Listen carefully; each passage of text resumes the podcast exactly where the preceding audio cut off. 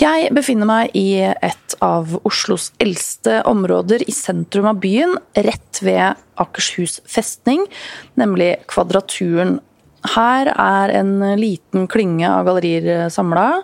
Oslo Kunstforening, Galleri Format, Soft, Fotografiens hus, Ram galleri og Tegneforbundet. Jeg er på vei til sistnevnte.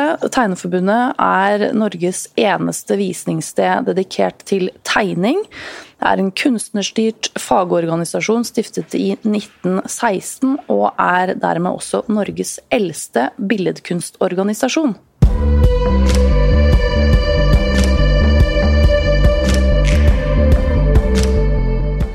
Hei, jeg eh, heter Hilde Lunde, og jeg er dagleder i Tegneforbundet. Tegneforbundet er et visningssted for kunst og et senter for tegnekunst og ligger i Rådhusgata 17. Eh, jeg har hatt denne jobben siden 2014. Eh, men Tegneforbundet er jo veldig mye gamlere enn da. Og her har vi ligget i 30 år. Og Tegneforbundet er både et senter for tegnekunst og en fagorganisasjon som ble etablert i 1916, og er jo da eh, Norges eldste fagorganisasjon for eh, eh, billedkunstnere.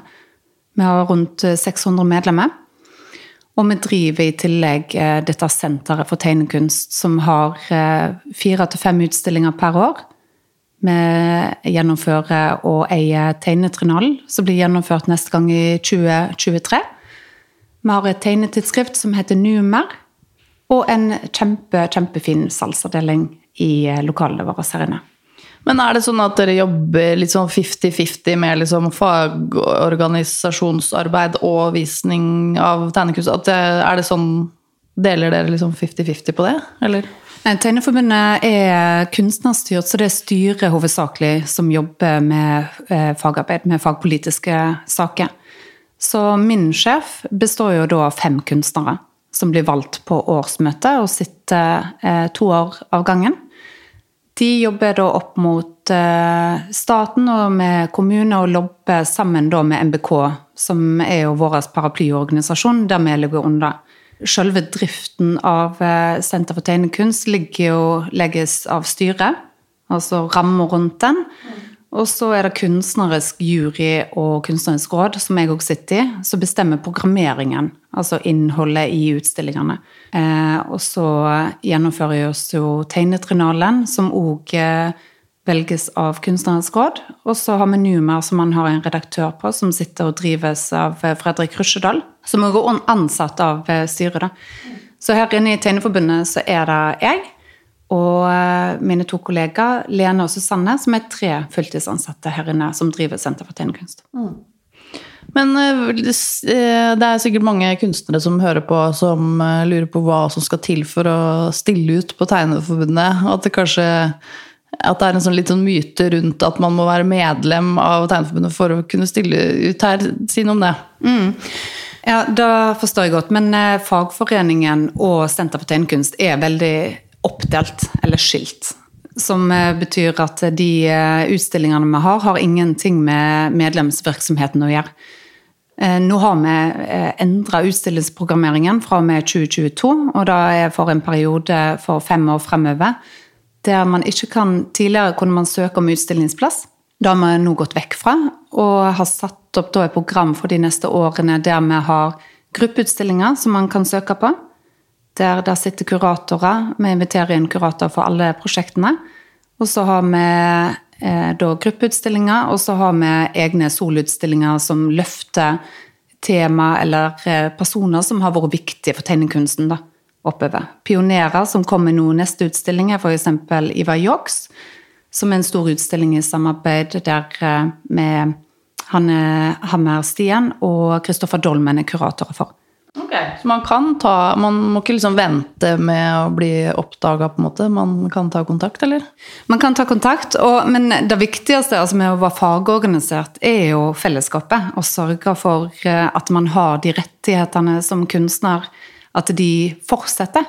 Og helst blir bedre vilkår eh, for deg som eh, er utøvende. Man kan ikke ta for gitt at de sakene og de rettighetene vi har nå, blir varig. Der er det superviktig å være fagorganisert, så man står sterkere sammen i forhold til med stipender, med økonomi, rettigheter for deg som eh, utøver, og atelierplass etc. som saker som Tegneforbundet jobber aktivt med, sammen med da, NBK, blant annet. Ja, liten oppfordring der til å fagorganisere ja, seg. det er bra. For å bli medlem av Tegneforbundet så må man søke opptak. Som med de andre organisasjonene. Så vurderes det av eh, styret. Så du sender inn arbeider? Svarer du på spørsmål? Eller hvordan ser liksom hele den søknadsprosessen ut? Vi har en ut? superfin digital plattform der man må legge inn alt uh, CV, søknad og arbeidet, tidarbeidet. Hvis man har utdannelse, så er det ikke noen diskusjon i forhold til opptak. Blir ikke, da blir man ikke bedømt på hva arbeid man søker med. Ja, nei, Så hvis du har en master fra KIO, så er du rett inn? Ja, ja. det er man. Okay. Og så ligger jo Tegneforbundet under MBK, mm. så man blir òg eh, medlem av eh, den store paraplyorganisasjonen. Tegneforbundet ble etablert hovedsakelig av eh, avistegnere. Der Tegneforbundet var med og kjørte en stor og kjempeviktig sak som har endra lovgivningen i forhold til rettigheter for egne verk. Der det tidligere da var fra 1916 og oppover, så hadde man som tegner ikke rett til eh, egne verk. Man hadde ikke eierskap til det. Så avisene tok jo de tingene. Og der hadde jo man ikke fotografi, så man ble jo, det ble jo tegna i avisene. Mm. Så den kjørte Tegneforbundet opp til Høyesterett og fikk vedtatt at tegnerne hadde rettighetene på egne kunstverk. Som er jo en helt sånn sjølklar ting nå, som det ikke var tidligere. Eh, visningssted for eh, tegnemedie. altså Starta da tydeligvis som eh, avistegnernes sted. Kan du si noe om utviklingen der? altså hvor er liksom, Hva er tegnemediets status i dag? Det er jo et kjempestort og gøy eh, spørsmål som ikke har et uh, endelig svar. Da. For at uh, som alle medium så er jo ting i utvikling. Og det kommer nye generasjoner, og det har skjedd veldig mye. Det er jo ikke så langt tilbake igjen til der i Tegneforbundet at man ikke kunne være medlem i Tegneforbundet hvis man brukte farger, f.eks. Oh, ja. Dette er tilbake igjen til rundt sånn 70-tallet. Man kunne ja. måtte være svart-hvitt-tegner. Eller blyanttegning. Ja, man kunne ikke, ja, akkurat, ikke farger. Oi. Så det skjer jo ting hele veien. Det som vi står i nå, som er jo kjempespennende, som har, eh, har vært noe vi har jobba med i flere år, men som virkelig nå vi jobber eh, veldig mye med, er jo dette med digital tegning. Ja. Og analog tegning. Altså tegne på digitale flater. Hvordan de eh, yngre jobber nå med fag og med tegning og med ulike medier i forhold til hva man har gjort tidligere.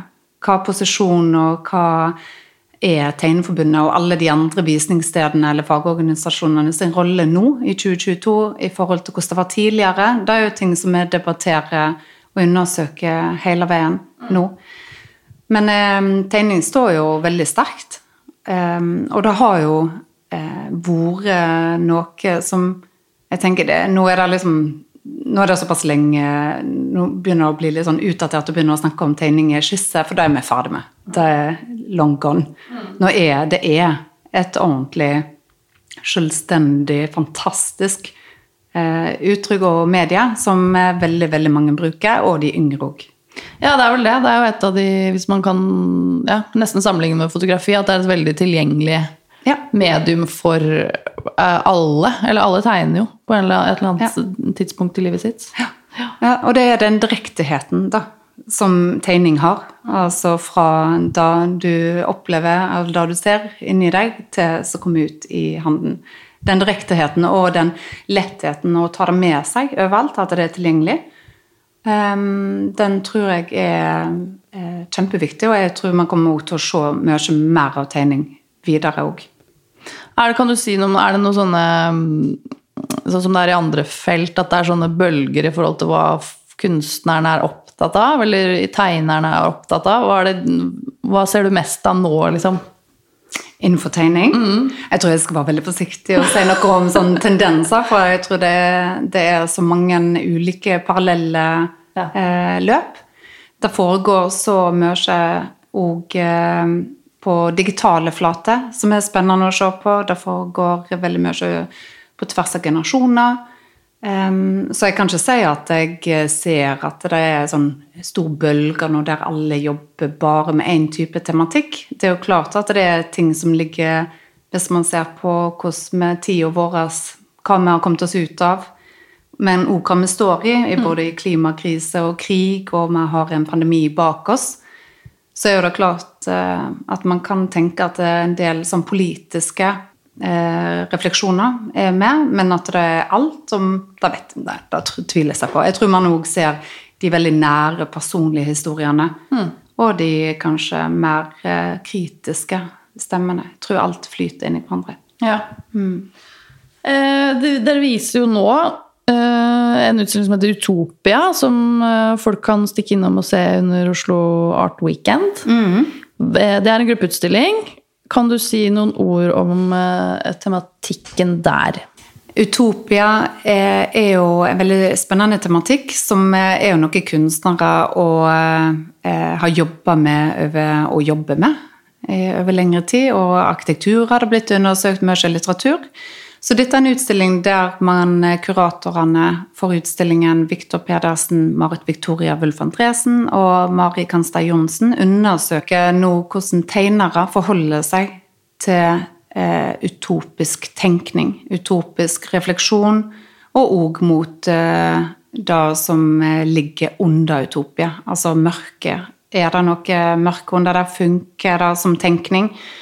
Um, og der vi hadde en open call hvor uh, kunstnere og utøvere kunne søke, og der de ble sju stykker invitert inn. Her går jo det mye eh, både til personlige betraktninger, refleksjoner, og til større eh, utopisk tenkning innenfor utopi, som Anders Lærum, som undersøker Le Corbusier sin tenkning i forhold til byplanlegging i Paris hvordan mennesker skal leve sammen og mer effektivt, og tenkning som òg man kan se nå i moderne eh, byplanlegging, eh, der man bygger for effektivitet. Og er det utopisk? Denne episoden er laget i samarbeid med Oslo Art Weekend. Jeg heter Cecilie Tyri Holt. Tusen takk for at du hører på Kunstpodden.